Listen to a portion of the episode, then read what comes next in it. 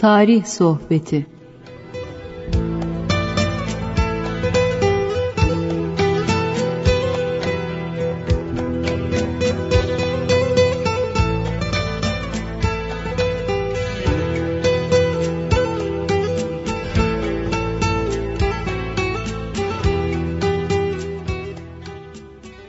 Merhaba kıymetli dinleyenlerim. TGRT FM'in bir tarih sohbeti programında daha sizlerle beraber olmaktan dolayı mutluyum, sevinçliyim. Bugünkü yayınımız esasında bizlere Muhittin Yaygıngöl Teknik Masa'da yardımcı oluyor. Gökhan Güler Bey de sizlerden gelecek olan telefonları bekliyor. Sual telefonlarını bekliyor. Canlı yayına bilindiği gibi telefon alamıyoruz. Ancak siz kıymetli dinleyicilerimizle irtibatı da kesmek istemiyoruz. Bize telefon etmenizi hasseten bekliyoruz inşallah. Efendim, bize e, ulaşmak için telefon numaramız 0212 alan kodundan 454 56 46'dır. Faksımız da var. Aynı alan kodundan 454 56 26. 46 ile biten telefonumuz 26 ile biten ise faksımızın son iki rakamıdır veya e, son sayısıdır. Evet. Ayrıca radyomuzun bir de elektronik posta adresi var. Bu çok yaygın zaten. Olmayan yok gibi. Efendim, bu da tgrt-fm et tgrt-fm.com.tr Şahsi mail adresim de var. ismail.yagci41 at gmail.com Buralardan da sorularınızı gönderebilirsiniz. Şahsi mail adresime illa bugüne mahsus değil, hafta içerisinde de tarihle ilgili olma kaydıyla istirhamımız odur. Bir de cevabı kısa olacak soruları sormanızı istirham edeyim ki e, neticesinde e, zaman diye çok kıymetli bir mefhumumuz var. Bu yetmediği zaman sizlere bu cevabı da veremez isek mahcup oluruz. Evet, şimdi bunları da sizlere bildirdikten sonra her hafta olduğu gibi 1082 yıllarında Kühistan Sultanı İskender bin Kabus rahmetullahi aleyhin oğlu Gilan Şah'a nasihatname ve vasiyetname olarak yazdığı kitaptan alıntıyla başlayacağız. Selçuklu sultanlarında da daha doğrusu İslam devletlerinin başında olunan kimselerde de ne denirse adına sultan denmiş epey bir zaman daha sonra padişah denmiş öyle devam ediyor. Ama hiçbirine bir İslam ülkesinin başındaki kimseye kral denmemiş, eşine de kraliçe denmemiştir. Bunu kullananlar olursa yanlış kullanıyorlar. Gerek ki yani bir icabetli de bir e, anekdot anlatıyorlarsa bunu tutuyorlar bir Müslüman memleketinin baştaki işte zamanın kralı falan filan diye geliyor. Hiçbir zaman böyle bir şey yoktur. Emir denmiştir, padişah denmiştir, sultan denmiştir. Ama kral hiçbir zaman denmemiştir. Ben de programlarımda zaten bu hususta gerekli dikkati elimden geldiğince göstermeye çalışıyorum. Mutlaka siz de bunun farkındasınız. Ben öyle olduğunu da inanıyorum. Bu Selçuklu'da olsun, Osmanlı'da olsun, e, Büyük Selçuklu'da, Anadolu Selçuklu'da olsun, hükümdarlar ölmeden önce bir vasiyetname yaparlardı. Birçok devletlerde de vardı. Bu Rusya'da Deli Petron'da öyle resmi bir vasiyetnamesi olduğu söyleniyor. İngiltere krallarının da böyle bir vasiyetnameleri oldukları söyleniyor. Yani benden sonra şöyle davranırsanız iyi olur diyor. Bu bir manada da görev devir teslimi olarak da anlaşılabilir. Fakat İskender bin Kabus'un oğluna yaptığı bu vasiyetname, hazırladığı vasiyetname hepimize birden hazırlanmış. Bütün tarih boyunca gelmiş gelecek İslam devletlerinin halkı ve hükümdarlarını e, aydınlatacak, onlara yol gösterecek bir şekilde hazırlanmış. Çok kıymetli olduğu için de ben de sizlerle paylaşıyorum. Avrupa dillerine de tercüme edilmiştir. Avrupalılar belki bizden daha çok istifade ediyorlar.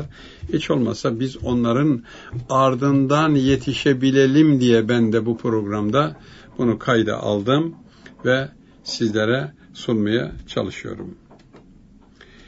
İyiye iyi, kötüye kötü de, hakkı inkar etme. Yani birisi canı sıkılıyor veya onun yaptığı şeyi beğenmek istemiyorsun ama iyi yapmış adam. Buna iyi diyeceksin. Sakın ola nefsine uyup da iyi gördüğüne kötü deme, kötü gördüğüne de iyi deme. Kötüyse kötü de, iyisi de iyi de. Yani sevmediğin bir kişi bile bir şeye iyi diyorsa ve o şeyde gerçekten iyi ise ona sakın kötü deme. İnsanlar sevmediği kimseler olabilir. Aslında olmaması lazım. Madem ki allah Teala'nın yarattığı kullarıyız, Adem Aleyhisselam'ın soyundan gelmişiz.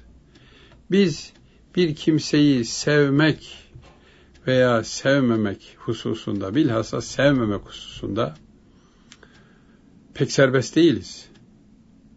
Yani biz birbirimizi sevmeye mahkumuz. İnsanlar bakıyor aman abi hiç ondan bahsetme. Hiç sevmiyorum. Bir kılım kadar sevmiyorum. Veya bir de uygunsuz laf kullanıyor. Şeytanım kadar sevmiyorum falan. Ya kardeşim şeytanla bunun ne alakası var ya. İnsanlar o kadar acayip şeyler uyduruyorlar ki bunların bazılarını ifade ettiğiniz zaman Allah korusun insan imanını kaybedebilir. Bunu da bu dünyada biri ikaz edemiyor. Aman abi ya imanın gidiyor falan filan diye. Hadi ya senin yaptıkların ne ki falan deyince bu sefer imanı bir kat daha gidiyor adamın. Bunun için dikkat edelim. Bir kötü bir şey görüyoruz. Maşallah. Oh! Yani adam aldı yürüdü. Ya adam aldı yürüdü ama adam baronlukta aldı yürüdü. Bunun neresi maşallah? Maşallah demek bir dua etmektir. Eğer sen bilerek dua ediyorsan senin de imanın gider arkadaş. Bu maşallah demeyi de uygun görenlerin de imanını sakatlarsın. Onun için din kitaplarında dil afetleri ayrı bir bölüm olarak anlatılıyor. Dil afetlerine çok dikkat etmek lazım. İnsanlar dilinden çıkan yani ağzından çıkan sözlerle dilden de tabi dile de sürülerek çıkıyor o söz. O söz zaten dilinde yardımıyla söz haline geliyor, harfler haline geliyor. Bu çok ince bir konudur. Yani gırtlaktan çıkan ses ö desek hiç dili oynatmadığımız zaman ö çıkıyor. Ama öbür tarafta ö derken öğretmenim diyorsun. Dille beraber o çıkan sese bir şeyler katıyorsun. Dilden çıkanlarla, ağızdan çıkanlarla insan imana girer. İmanı yoksa imana girer. Ama aynı hızla da imandan çıkabilir. allah Teala korusun. Birisini hiç şu kadar bile sevmiyorum falan filan sözlerini söylerken çok dikkat etmek lazım. En azından bunu diliyle ifade etmemenin yolunu aramalı. Eğer için onunla rahat değilse ve o sevmeme Allah rızası için ise sevme arkadaş. Sevmediğinde seni sevenlere hissettir ki onlar da ondan uzak dursunlar. Çünkü adam zalim. Allah'ın kullarına zulmediyor veya Allah'ın dinine karşı çok sakat şeyler söylüyor. Din diye sakatlıkları, sapıklıkları söylüyor. Elbette ki bunu sevmeyeceksin. Ama ne hikmetse biz birbirimizi sevmeye değil, sanki sevmemeye teşneymiş gibi sevmemeyi hep öne alıyoruz. Hep birileri sevmeyerek gıybetini yapıyoruz. Evet, burada da İskender bin Kabus Hazretleri e, iş iyi ise yapılan iş ha, güzel olmuş. Yani bir kusur bulamıyorsan efendim sakın ona kötü deme diyor. Niye kötü diyorsun? Senin ölçüne bakarak insanlar iyiyi kötü bilmeye başlarlar. Ya bir de bu var efendim. Bir de bu var. Sen hükümdarsın ya. Tanınmış bir insansın ya. Senin kötü dediğine onlar da kötü derler. Halbuki dost doğru iyidir. Eğer bir şeye etraftakiler kötü derlerse sen de kötü olduğunu görüyorsan, biliyorsan ona iyi deme. İyi deme. Gayrimeşru bir şeyi meşru hale lütfen getirme. Doğru söylüyor. Getirme. Evet. Hakkı kabul etmenin hakkı inkar etmekten iyi olduğunu unutma. İyi de bir de nefis var arada. Haklıyı söyleyeni kabul ettiğin zaman insanın mosmor olması lazım. Olalım efendim. Burada mosmor olalım. Gidip de ahirette hesap verirken mosmor olmayalım. Buradaki mosmorluk birkaç kişi bakar, ya nasıl bozum oldum falan filan da derler insana. Biraz da nefsini tahrik için desinler varsın. Zaten kıymetli dinleyenlerim, insan böyle hakikat söylendiğinde, kendi de o konuda yanıldığını anladığında, hakkı kabul ederse, allah Teala onu diğer kullarına sevdirir. Biz ne yapıyoruz şimdi? Bozum oldu bak bozum oldu görüyor musun? Bozum oldu. Hele siyasetçilerde aman ya Rabbi. Onun için ben ömür boyu siyasetten kaçmaya çalışırım. Bana biri de sorarsa kardeşim sen de kaç diyorum yani. Çünkü allah Teala'nın kulları mutlaka makbul insanlar ama çeşit çeşit hallerde oldukları için bugün överler, yarın da söverler. Hatta sövmekle de kalmazlar, bir de çevire çevire döverler. Ama ilim öğrenmek böyle değil. İlimde ilerlemek böyle değil. Bu daha kalıcı olur. Daha insanların kalplerine işler. Öbür tarafta sanki bir dünya metaının efendim satışında reklam yapıyormuş gibi geliyor insanların hali bana. Onun için hakkı kabul edelim. Evladımız da söylese, ha ya ben anlamamıştım. Sen doğru söylüyorsun diyebiliyor muyuz? Bilin ki bunu diyebildiğimiz andan itibaren çok güzel bir yola girmişizdir. Şeytan gelir der ki, bak burada kabul ettin, hadi bunu hazmettin ama sakın bir dahakinde yapma. Bak etraftakiler nasıl bakıyordu sana fark ettin mi? İstemez şeytan. Şeytan daima itiraz ettirir. Onun için böyle konuşmalarında, görüşmelerinde bir anında sorulan her şeye hiç düşünmeden cevap veren insanları dinimiz uygun görmüyor. Hiç düşünmüyor, taşınmıyor. Anında pat pat pat pat pat pat. Sanki yani makine tüfekle sanki makine tüfekle karşı tarafı tarıyor. Evet. Bir de söylenene itiraz ediyor. Her söylenene itiraz ediyor. İtiraz etmeyi ben öyle birisini denedim. Tavsiye ederim siz de deneyin böyle itirazcı birisinde. Onun itiraz ettiği şeye ben bir şey söylüyorum. O itiraz ediyor mesela. Aradan biraz zaman geçiyor. Birkaç gün geçiyor falan. Aynı mesele açıldığında ben onun itiraz ettiği şeyi şey ben itiraz ediyorum. Bu sefer o onu savunuyor. Hastalık bu işte. Hiç olmazsa biz böyle itirazcılarla münakaşa etmeyerek onu da günaha sokmaktan kurtarmış oluruz. Çünkü allah Teala buyuruyor ki insanın evet kendi günaha girmemesi benim kabulüm buyuruyor allah Teala. Ama başkalarının da günaha sokmamasını daha çok severim. Onun için allah Teala'nın o sevdiğini biz mümkün mertebe yerine getirmeye çalışalım. Efendim, şimdi bugün sizlere Filistin topraklarında yıllardır kan akıyor. Malum Filistin toprakları Yavuz Sultan Selim Han'ın 1516-1517 yılları arasında meşhur Mısır seferinin birinci etap olan Merci Davuk'tan sonra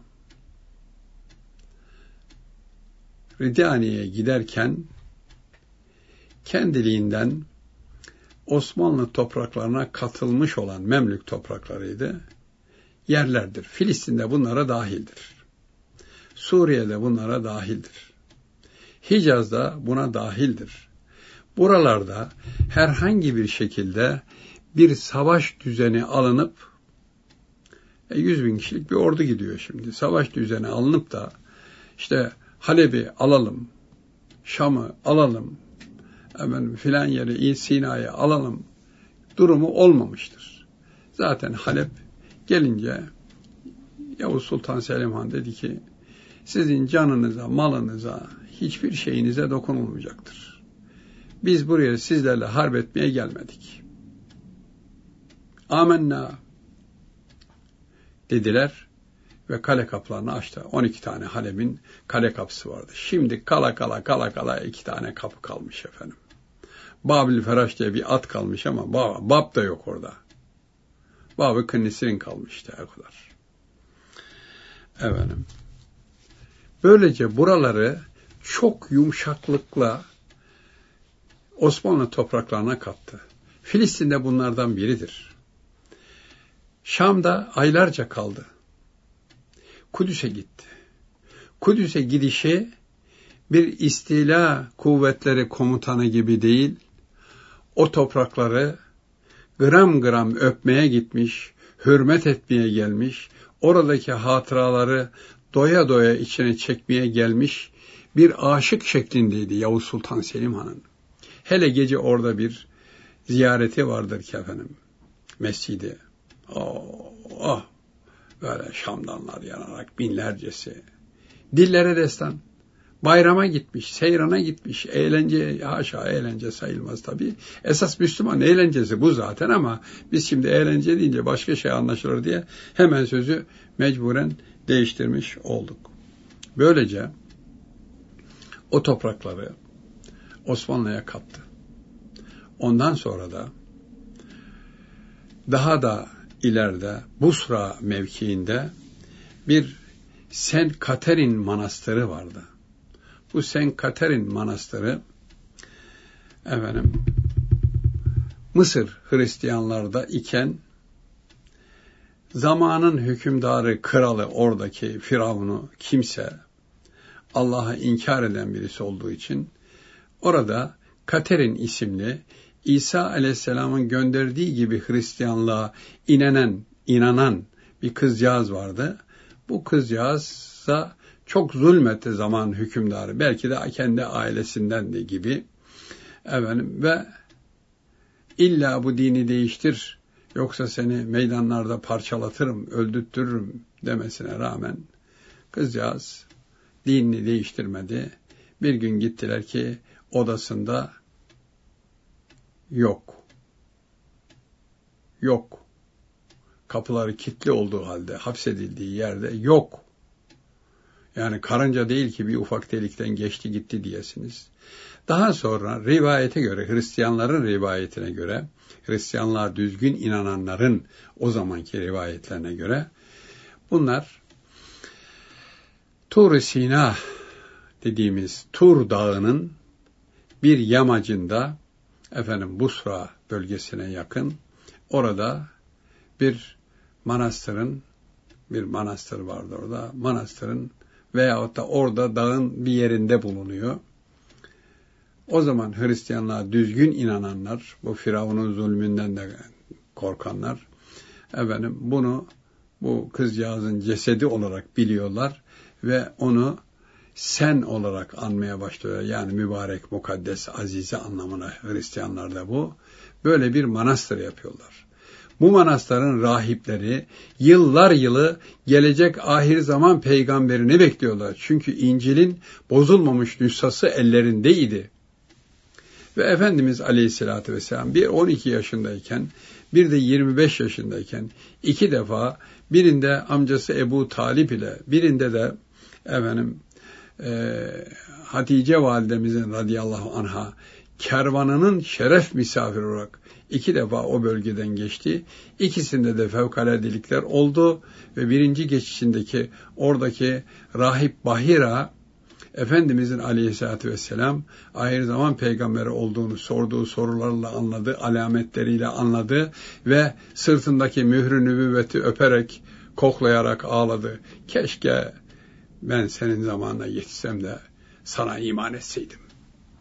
Senin dini e, yayma emrini aldıktan sonra seni görebilsem de sana iman etseydim diye. Ve dedi ki aman bunu Şam'a götürmeyin. Çünkü Şam Yahudileri bu alametleri biliyorlar. Bu çocuğa zarar verirler, öldürürler. Böyle bir iyilikler oldu. Daha sonra Bahira öldü. İşte 13 sene sonra yerine Nastura diye biri geçti. O da kervanı gene aynı alametler, değişik alametlerle görerek aman dedi e, kervana istirham etti. Şam'a gitmeyin. Buralarda neye verirlerse satın ve tekrar yerinize dönün. Dönüldü. Bunun üzerine Efendimiz Aleyhisselatü Vesselam İslam'ı tebliğe başladığında bu manastırdan gelen e, papazlar heyeti Efendimiz'e işte geldiler, baktılar hakikaten gelen bu mudur yani kitapta buyurulan bu mudur diye. Efendimiz'e bu gençliğinde ve çocukluğunda geçen bu hadiseleri anlatarak dedi ki ben sizden çok memnunum. Ben şimdi allah Teala'nın dinini tebliğ ediyorum. Sizin oraya Müslümanlar ulaştıklarında sizleri hoş tutmaları için elinize bir emanname vereceğim dedi ve emanname verdi. Emanname yani bağışlanmışlık belgesi verdi. Müslüman devletlerin eline geçerse bu topraklar Müslümanlar buradan vergi almayacaklar. Bunların manastırlarına, topraklarına, tarlalarına saldırmayacaklar şeklinde bir emanname Efendimiz yazdırdı. Mührü nübüvvette de mühürlendi. Yani elindeki mühürle, sırtındaki mührü nübüvvet olarak söylemiyorum. Kendi mühürleriyle mühürlendi ve bunlara verdiler. İşte Yavuz Sultan Selim Han bu bölgeden geçerken bu emannameyi de gördü, öptü, kokladı. Bu topraklar böyle alındı. Şimdi bu topraklar nasıl oldu da bir canavar yuvası oldu? İşte Abdülhamit Han devrine kadar bu toprakları bütün Osmanlı sultanları bu güzel hatıraların hürmetine böyle ipek mendil tutar gibi incitmeden, incitmeden hoş tutmuştur. Bu topraklarda huzursuzluk çıkarmak isteyenleri kısa sürede engellemişlerdir. Kan dökmekten kaçınmışlardır. Ama gelin görün ki Şimdi kan dökmekten mi kaçınıyorlar? Hayır. Kan dökmemekten kaçınıyorlar. Ah şurada bir kan döksek diye. İşte bu Abdülhamit Han öncesinde başlayan Filistin topraklarla Yahudilerin göçürülme politikası İngilizlerin kurgusunu yaptığı bir politikadır. Bu politikanın neticesinde elemanlarını da buldular. İşin içerisinde gelişmeler oldu ve bir Avusturyalı Yahudi, daha doğrusu Macar Yahudisi Avusturyalı, Avusturya'da bulundu. Doktor Theodor Herzl diye birisi çıktı meydana. Ve bu Siyonizm diye hukuk doktoruydu efendim, hukukçuydu. Tıp doktoru değildi. Doktor Theodor Herzl'di. Doktoradan dolayı doktor deniyor. Efendim, hukukçu devlet diye bir kitap kaleme aldı. Halen de İsrail devletinin anayasasının bu kitaba göre hazırlandığı, bu kitabın birebir benzeri gibi olduğu kuvvetle rivayet edilir. Ben anayasasının doğrusu merak edip de görmedim. Görsem neyime yarayacak? Mala davara bir faydası yok ki bunun efendim. Benim için yok yani. Ama ilgililer elbette bunu görmeliler. Bu kimse öyle bir devlet kuracak ki bu devlet dünya yüzündeki bütün Yahudileri toplayacak ama Musevi bir devlet olmayacak. Din diye bir gailesi olmayacak. Şimdi bazı kardeşlerimiz soruyorlar ya allah Teala Kur'an-ı Kerim'de Yahudiler devlet kuramayacaklar buyuruyor. Bu Yahudiler niye bu devleti kurdular? Bunlar Yahudi değil ki. Yahudi devleti değil ki bunların kurdukları.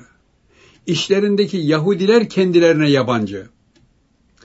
Eğer karşı tarafta Filistin diye bir düşman olmasa, İsrail devleti kendi içerisindeki din uğruna koşturan Yahudilerin hepsini tasfiye edecek. Ama Yahudiler Mescid-i Aksa'yı terk etmiyorlar. Ağlama duvarını terk etmiyorlar. Biz biz burada kalacağız diyorlar. Efendim işte Abdülhamit Han'ın bu konudaki çalışmaları, verdiği mücadelelerin bir pasajını böyle ufak bir temel attım. Şimdi bunu anlatırkense bir pasajını e, bundan sonraki bölümümüzde sizlere anlatmaya çalışacağım. E, daha sonra da bu Siyonizm ve Filistin meselesi hakkında geniş bir konferansım var. O konferansı sohbetlerinde de zaman zaman işlemeyi düşünüyorum. Ama şimdi küçük bir reklam aramız var. Bu reklam arasından sonra inşallah bu Filistin meselesindeki Theodor Herzl'in Osmanlı padişahı Abdülhamit Han'ı ziyareti, ona teklifleri hususunda özete yakın bir bilgi sunmaya çalışacağım.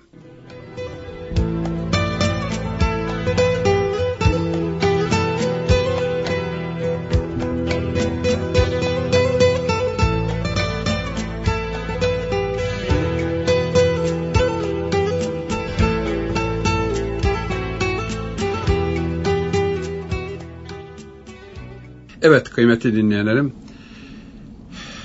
tarih sohbetimizin ikinci bölümüne başlıyoruz. Yani son bölümüne mecburen diyeceğiz bu son bölümü de başlıyoruz. Abdülhamit Han'ın Filistin'de Theodor Herzl'in bir Siyonist devleti, güya Yahudi devleti adını veriyorlar, yalandır. E, kurmak için mücadelelerini anlatmaya çalışacağım. İkinci Abdülhamit Han, dünya tarihinde Yahudilerin Filistin topraklarında yerleşme ve akabinde de devlet kurma planlarını, uğraşılarını bozan padişah olarak bilinir. Ondan önce bunların planları var mıydı? Vardı belki. Ama o planları icra safhasına koyamadılar. Osmanlı'nın güçsüzlüğünü fark ederek efendim biz şimdi bunu yürürlüğe koyabiliriz dediler. Evet. Şimdi bu yüzden de Yahudilerin yönlendirdiği bütün fitne teşkilatlarının Abdülhamit Han hedefi oldu. Bütün karışıklıkların hedefi oldu. Siyonizmin fikir babası olan Theodor Herzl, Filistin topraklarının Siyonistlere verilmesi için, Yahudi adı yok efendim, Siyonistlere verilmesi için Abdülhamit Han'la görüşme talep etti. Beş defa İstanbul'a geldi. Efendim yine bir Yahudi fakat bu davaya e, güya yakınlık gösteren bir e, başka profesör Yahudi büyük bir rüşvet alarak Herzil'den Abdülhamit Han'la görüşmeni ben temin ederim dedi ve etti. Nevlinski diye bir adam. Polonyalı.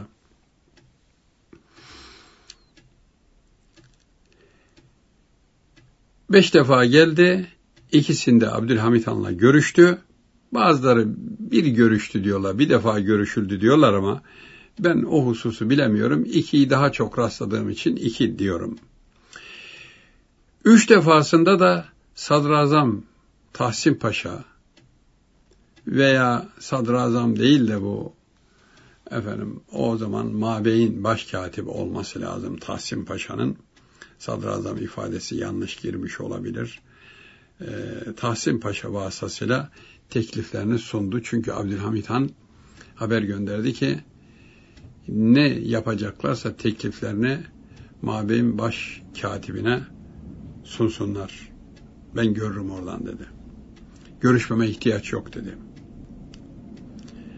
1902'de Yahudiler Tahsin Paşa'ya sundukları teklif şu Yahudilerin, Siyonistlerin. Yahudiler aşağıda bulunan hususları taahhüt ederler. Üç ana teklifleri var. Bir, Osmanlı Devleti'nin 33 milyon İngiliz altınına varan borçlarını ödemeyi tasfiye etmeyi taahhüt ediyoruz. Taahhüt ediyorlar. İmparatorluğu korumak için 120 milyon altın frankla bir deniz filosu yaptırmayı taahhüt ediyorlar. 120 milyon altın frank. Yani bununla kurulacak olan filo herhalde 15-20 tane harp gemisi demektir. O günün paralarına göre. Devlete üçüncü madde taahhütlerinden 35 milyon altın lira faizsiz borç vermeyi taahhüt ediyor. Birinci madde 33 milyon İngiliz altınla varacak kadar borçları vereceğiz diyor. Abdülhamit Han bunu zaten tahta çıktığından beri peyderpey peyderpey ödeyerek bu rakama düşürdü. Yani bunları bitirmesi de fazla zaman kalmadı bunlara da. Onlar da bitirecekti, sıfırlayacaktı. Kendi ödüyordu. Yahudilerin parasıyla mı ödedi? 300 milyondan fazla borcu vardı Abdülhamit şeyin devletin Abdülhamit Han zamanında başa geçtiğinde. Üç tane büyük oltaya takılı yem sunuyorlar. Yem. Yersen. Yersen. Evet. Bunları taahhüt ettiler. Peki bunun karşılığında ne istiyorlardı? Yahudilerin her yılın herhangi bir günü yılın herhangi bir günü Filistin'e ziyaret için girmelerine müsaade edilmesine. Sadece ziyaret günlerinde değil. Bütün sene Yahudilere Filistin'e girmek serbest olsun. Ve Yahudilerin de kendi dinlerine mensup olanların ziyaretleri esnasında kalabilecekleri, misafir edilebilecekleri bir müstemleke kurmalarına izin verilmesi. Ya diyor biz orada bir kamp kuralım. Basit manada kamp kuralım. Yahudiler her zaman gidip gelsinler. Ama oralarda oturmayan Yahudiler de geldiklerinde bir miktar orada misafir edebilmesi için oradaki dindaşlarının orada bir kamp kuralım. Orada misafirhaneler yapalım. Müstemleke dedikleri bu. Misafirhaneler yapalım. Biz dini bir iş yapacağız. Kimseyi rencide etmeyelim. Kimse de bizi ya kimsiniz, niye geldiniz, niye ettiniz diye rencide etmesinler. Şimdi Osmanlı toprağı olan efendim Hicaz topraklarını Vahabiler ellerine geçirdikten sonra oraya hacca giden Müslümanlar diyorlar ki ya biz burada mücavir kalmak istiyoruz. Git, yürü, pasaport, yallah, yallah, yallah, la, la, la, la, la, hadi, hadi, hadi, hadi. İnsanlar kaçak göçek yollarla Ramazan-ı Şerif'te gidip de hacca kadar orada kalmak için e, oradaki Vahabi polislerine ne kadar diller döküyorlar, daha neler neler neler de döktüklerini zannediyorum. E bizim toprağımız orası efendim. Orada Müslüman diyarı. Buradan da gidenler de Müslüman, hacca kalmak isteyenler de Müslüman. Bugün onlara karşı kimse bir şey diyemiyor. Adamların dediği oluyor. Peki sen burada Osmanlı toprağı olan yere dini maksatla gelen kimseye kimseler karışmasın. istedikleri kadar da burada kalsınlar. Tahdit yok. Hem böyle sadece ziyaret e, günleri işte e, hac zamanı demeyelim de ona benzer bir şekilde belki bir takvimleri vardır onların da ağlama duvarına gitmeleri. Ona da bağlı kalmasın. 12 ay serbest olsun. Evet. Buna izin verirseniz alın size biz 120 hepsini aynı, aynı dövizden kabul etsek 155 200 milyon İngiliz altını biraz daha pahalıysa 250 milyon altın liralık bir varlığı Abdülhamit Han'ın önüne döküyorlar. Yazıyla da bunu bildiriyorlar. Abdülhamit Han'ı ziyarete geldiğinde Emanuel Karaso'da yanındaydı efendim. Yahudilerin bu teklifine Abdülhamit Han buyurdu ki, Tahsin Paşa'ya, Tahsin, onlara de ki, devletin borçları benim devletim için bir ayıp değildir. Abdülhamit Han ne kadar geniş bakıyor efendim, ne kadar geniş açıdan bakıyor. Devletim için bir ayıp değildir. Fransa gibi başka devletlerin de borçları var. Borçları onlara zarar vermiyor. Bize de vermiyor. Kudüs Şerifi İslam'da ilk önce Hazreti Ömer radıyallahu anh fethetti. Abdülhamit Han buyuruyor. Burayı Yahudilere satma kara lekesini ve Müslümanların halifeliği vazifeme kara lekeli olarak sürtür, sürdür, sürmemi, sürdürmemi benden istemesinler. Ben bunu yapmam. Ömer radıyallahu anh'ın hatırası olan ki çok güzel bir menkıbesi var Kudüs'ün fethinin malum kölesiyle nöbetleşe biniyorlardı Halife Ömer anh deveye. Evet, sıra deveye geldi Kudüs'e girerken dediler ki civardakiler aman efendim deve de şimdi onu görünce sizi zannederler. Yani bu Yahudilerin, e, Hristiyanların daha ziyade o Yahudiler değil o zaman Hristiyanlar vardı. Hristiyanların böyle bir şeyi karşısında bize bir zül olmasın buyurunca Ömer radıyallahu buyurdu ki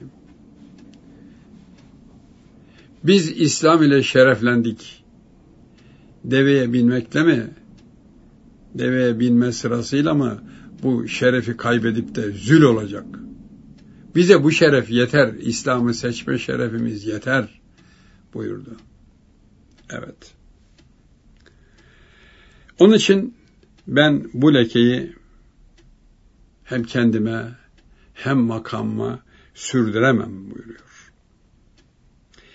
Ve buyuruyor, dünyanın bütün devletleri ayağıma gelse ve bütün hazinelerini kucağıma dökseler, onlara Siyonistlik adına bir karış toprak vermem.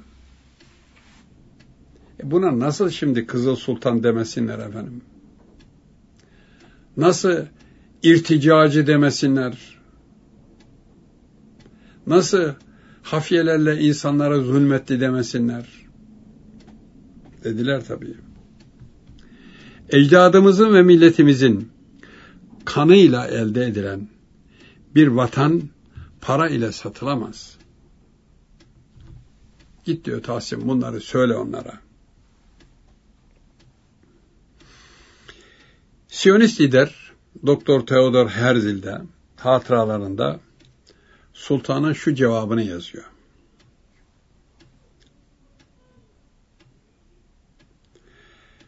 Sultanın bana gönderdiği haberde diyor, Doktor Herzl'e bu konuda yedi adımlar atmamasını öğütleyin. Tabii o böyle yazmış. Onun tercümesi de böyle.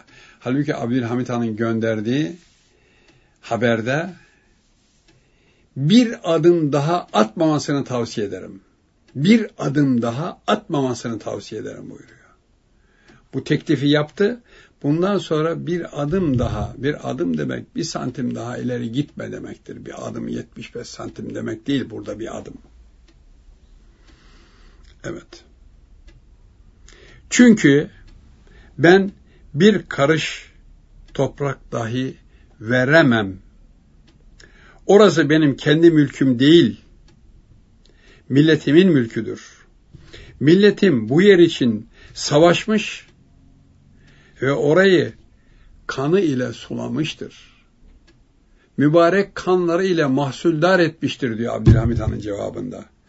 Theodor Herzl'inki ifadesi de hatırası da böyle geçiyor. Ve buyuruyor ki Yahudiler milyonlarını kendilerine saklasınlar. Ben sağ olduğum müddetçe canlı bedende canlı bedene neşter vurulmasını kabul edemem. Filistin'in devletimden koparılmasından koparılmasına izin veremem. Bu imkansız bir şeydir. Ben daha sağ iken bedenimizin üzerinde otopsi yapılmasına nasıl razı olabilirim? Böylece cevabını alıyor. Abdülhamit Han da hatıralarında Yahudilerin Filistin'e yerleşme fikirleri hakkında diyor ki, Yahudiler Avrupa'da doğuda olduğundan daha fazla bir kudrete sahipler. Avrupa'da. Niye? Orada zengin olmuşlar. Çok kudretleri, güçleri var. Ekonomik güçleri var. Bu sebeple de birçok Avrupalı devlet çok artmış olan Yahudi nüfusundan, Yahudi ırkından kurtulabilmek için Yahudilerin Filistin'e muhaceretini istiyorlar. Burada şu, Yahudilerden bıkmaları, Yahudilerin bir yaşantı olarak yaşayışları Avrupalı inanan insanların yaşayışlarına daha göre daha large, daha değişik, daha da e, sağlığa aykırı bir yaşayıştı. Bunun için Avrupalılar kendilerinde bulunan Yahudi topluluklarının mahallelerinden geçmezler, onlardan alışveriş etmezler, kız almazlar, kız vermezler ve bunun içinde Yahudilerin bu halinden dolayı onların mahallelerinin etrafına yüksek duvarlar çevirmişlerdi. Bunlara getto denirdi. Gettoda yaşayan Yahudilerden zengin olanlar tabii villalarında yaşıyorlar. Kan şehrinde, sahilde koca koca villaları bugün de olduğu gibi o günde vardı. Ama bu ırkın böyle sefil yaşayanlarına da pek bakmıyorlardı. Ancak arada sırada bir yardım, ihane gönderiyorlar. O ihaneyle geçiniyor. Theodor Herzl diyor ki, bunlar dilencilikle yaşayan bir topluluk halinde. Bunlar dilencilikle yaşamasınlar ya kazandıkları yesinler demek istiyor. Theodor Herzl İsrail devletini, Siyonist devletini bunun için kurdu. İhaneyle yaşamasın, alnının teriyle kazansın ve yesin. Güya. Öyle mi şimdi? Ha, öyle. Öyle lobiler para göndermeseler hiçbir şey yiyecekleri yok, kazanacakları yok.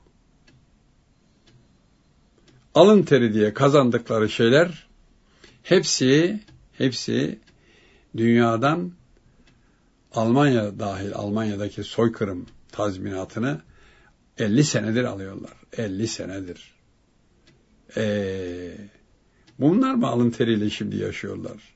Şu anda bombalar yağdırıyorlar. Bu bombaları kendi fabrikalarında kendi paralarıyla mı imal ediyorlar? Hepsi dışarıdan geliyor. Onun için bu zulüm payidar olmayacak. Olamayacak. Adeti ilahi böyle emrediyor. E peki sonra dağıldıktan sonra dünyanın yüzüne nasıl bakacaklar? O ağa babaları İngilizler bunları kurtarabilecekler mi? Hayır, kurtaramayacaklar. Kurtaramayacaklar. Abdülhamid Han hatıralarında buyuruyor ki, Yahudilerin Filistin'e muhaciretini Avrupalılar istiyorlar. Bunlardan bıktılar pisliklerinden, e, uygunsuz ilişkilerinden. Fakat bizim memleketimizde kafi miktarda Yahudi var. Eğer Filistin'de Müslüman Arap unsurunun üstünlüğünü muhafaza etmesini istiyorsak ki istiyoruz, Yahudilerin yerleştirilmesi fikrinden vazgeçmeliyiz. Aksi takdirde Yahudiler yerleştirilirlerse oraya çok kısa zamanda bütün kudreti elde edeceklerdir. Dindaşlarımızın biz onların yerleşmesine müsaade edersek Müslüman kardeşlerimizin ölüm fermanını, ölüm kararını kendi elimizde imzalamış oluruz diyor hatıranda Abdülhamit Han. Siyonistler Filistin'de yalnız ziraat yapmak değil, orada hükümet kurmak, siyasi temsilcilerini seçmek gibi şeyler de arzuluyorlar. Abdülhamit Han bunu fark etmiş. Bu hatıralarını 1917'de Beylerbeyi Sarayı'nda göz altında mahpus yaşarken ölümünden şöyle 8 ila 9 ay önce yazdırmıştır gizlice Abdülhamit Han. Selanik'te bir yazdırmaya başlamıştı. Selanik'te bu hatıraları yazma için yanında bulunan musahibini İttihatçılar öldürttüler. Sen nasıl hatıra yazarsın bizden gizli diye. Öldürttüler adam efendim. Düpedüz ortadan kaldılar. Mahkeme, ne mahkemesi canım? Kanun benim diyor adam ya. Bir de Fransa'daki bilmem kaçıncı ülüğün adı çıkmış kanun benim demiş. Bu kanun benimler hep var efendim. Bitmedi ki. Adamın biraz ayağı yere tut, yer tuttu muydu kanun benim diyor. Evet. İttihat Terakki'nin çıkardığı 31 Mart vakası isyanında Sultan hal edildi. Bir faciaydı bu. Bu isyanı kışkırtanlar 31 Mart vakasını çıkaranlar ve bastırmak için kan dökenler İttihat Terakki mensuplarıydı. Ve dediler ki 31 Mart hadisesini 2. Abdülhamit Han çıkardı. Peki Selanik'ten orduyu da o mu getirtirdi? Mahmut Şevket Paşa'ya orduyu getir evladım mı dedi. Yani Sandenski'yi o mu getirtirdi? Ve arkasından da Abdülhamit Han'ı 31 Mart isyanına sebep olmakla suçlayıp tahttan indirdiler mahkemeye vermeye niyetlendiler. Kendisini mahkeme etmek istediler. Meclis Başkanı Menteşeoğlu dedi ki Ali Rıza Bey aman ha sakın ha böyle bir yola gitmeyin. Bu insan çok zeki. Yargılarsanız yargılamadan sıyırır yani o da itiraf ediyor bir suçu yok manasına. Sonra biz rezil oluruz, onu tekrar tahta çıkarmak isteriz. Ondan sonra da biz duman oluruz diyor. Aman mahkemeye vermeyelim. Onun için Selanik'e hemen sürdüler. Hal kararını tebliğ eden heyette onu hallettiler. İttihat Terakki karar verdi. İttihat Terakki maşaydı efendim. Hep Yahudiler karar verdiler. Sen misin bize Filistin toprağını vermeyen? Bak biz nasıl alırız? Hal kararın tebliğe gelen heyette Herzil'le beraber Abdülhamit Han'ın önüne efendim borçları tasfiye planını sunan Emanuel Karasoda heyetin içindeydi, hal heyetin içinde. Bir tek Türk yoktu efendim. Bir tek Türk yoktu heyetin içinde. Padişah bu durumu gördü. Hazin hazin baktıktan sonra bir Türk padişahına 33 sene bu makamda bulunmuş İslam halifesine hal kararını bildirmek için bir Yahudi, bir Ermeni, bir Arnavut ve bir nankörden başkasını bulamadılar mıydı? Keşke benim adamlarım gelseydi bunu yapmaya. Benden olanlar gelselerdi. Ne yazık ki Filistin topraklarının Yahudilere satılması için rüşvet teklinde bulunduğu Sultan Abdülhamit Han'ın kovduğu Yahudi Emanuel Karaso bu sultanın hal meselesinde ittihatçıların ceplerini altınlarla dolduran baş finansördü. Dedi ki bundan senelerce önce Theodor Herzl ile Abdülhamit Han'a 300 milyona yakın para teklif ettik. Ama ben bunu bir gaz tenekesi dolusu altınla ittihatçılara rüşvet vererek hallettim, işi ucuza götürdük dedi. Buyurun, Yahudi'ye bakar mısın? İşi ucuza götürdük dedi. İşte kıymetli dinleyenlerim, Filistin meselesi derinde ben bunu bir özet olarak sizlere sunmak istedim. İnşallah ileride daha geniş olarak bu topraklarda akan kanların sebeplerini ve bu kanı akıtan müsebbiplerini birer birer ömrüm olursa ortaya koymak istiyorum. Süremizin sonuna gelmiş bulunuyorum. Teknik Masada Muhittin Yaygıngöl bizlere yardımcı oldu. Gökhan Güler Bey Teknik Masada e, yönetmen masasında sizlerden gelen telefonlara baktı ve programı hazırlayıp şu ana kadar sunmaya çalışacak. Ben İsmail Yağcı olan, ben İsmail Yağcı hepinize bu hadiselerin üzüntüsüyle dilimizde dolaştı programın sonunda görüyor musunuz efendim? Hakikaten insan hazmedemiyor. Hepinize ekibim adına hayırlı, huzurlu, mesut ve bahtiyar hayat sürmenizi diliyorum. Hoşçakalınız efendim.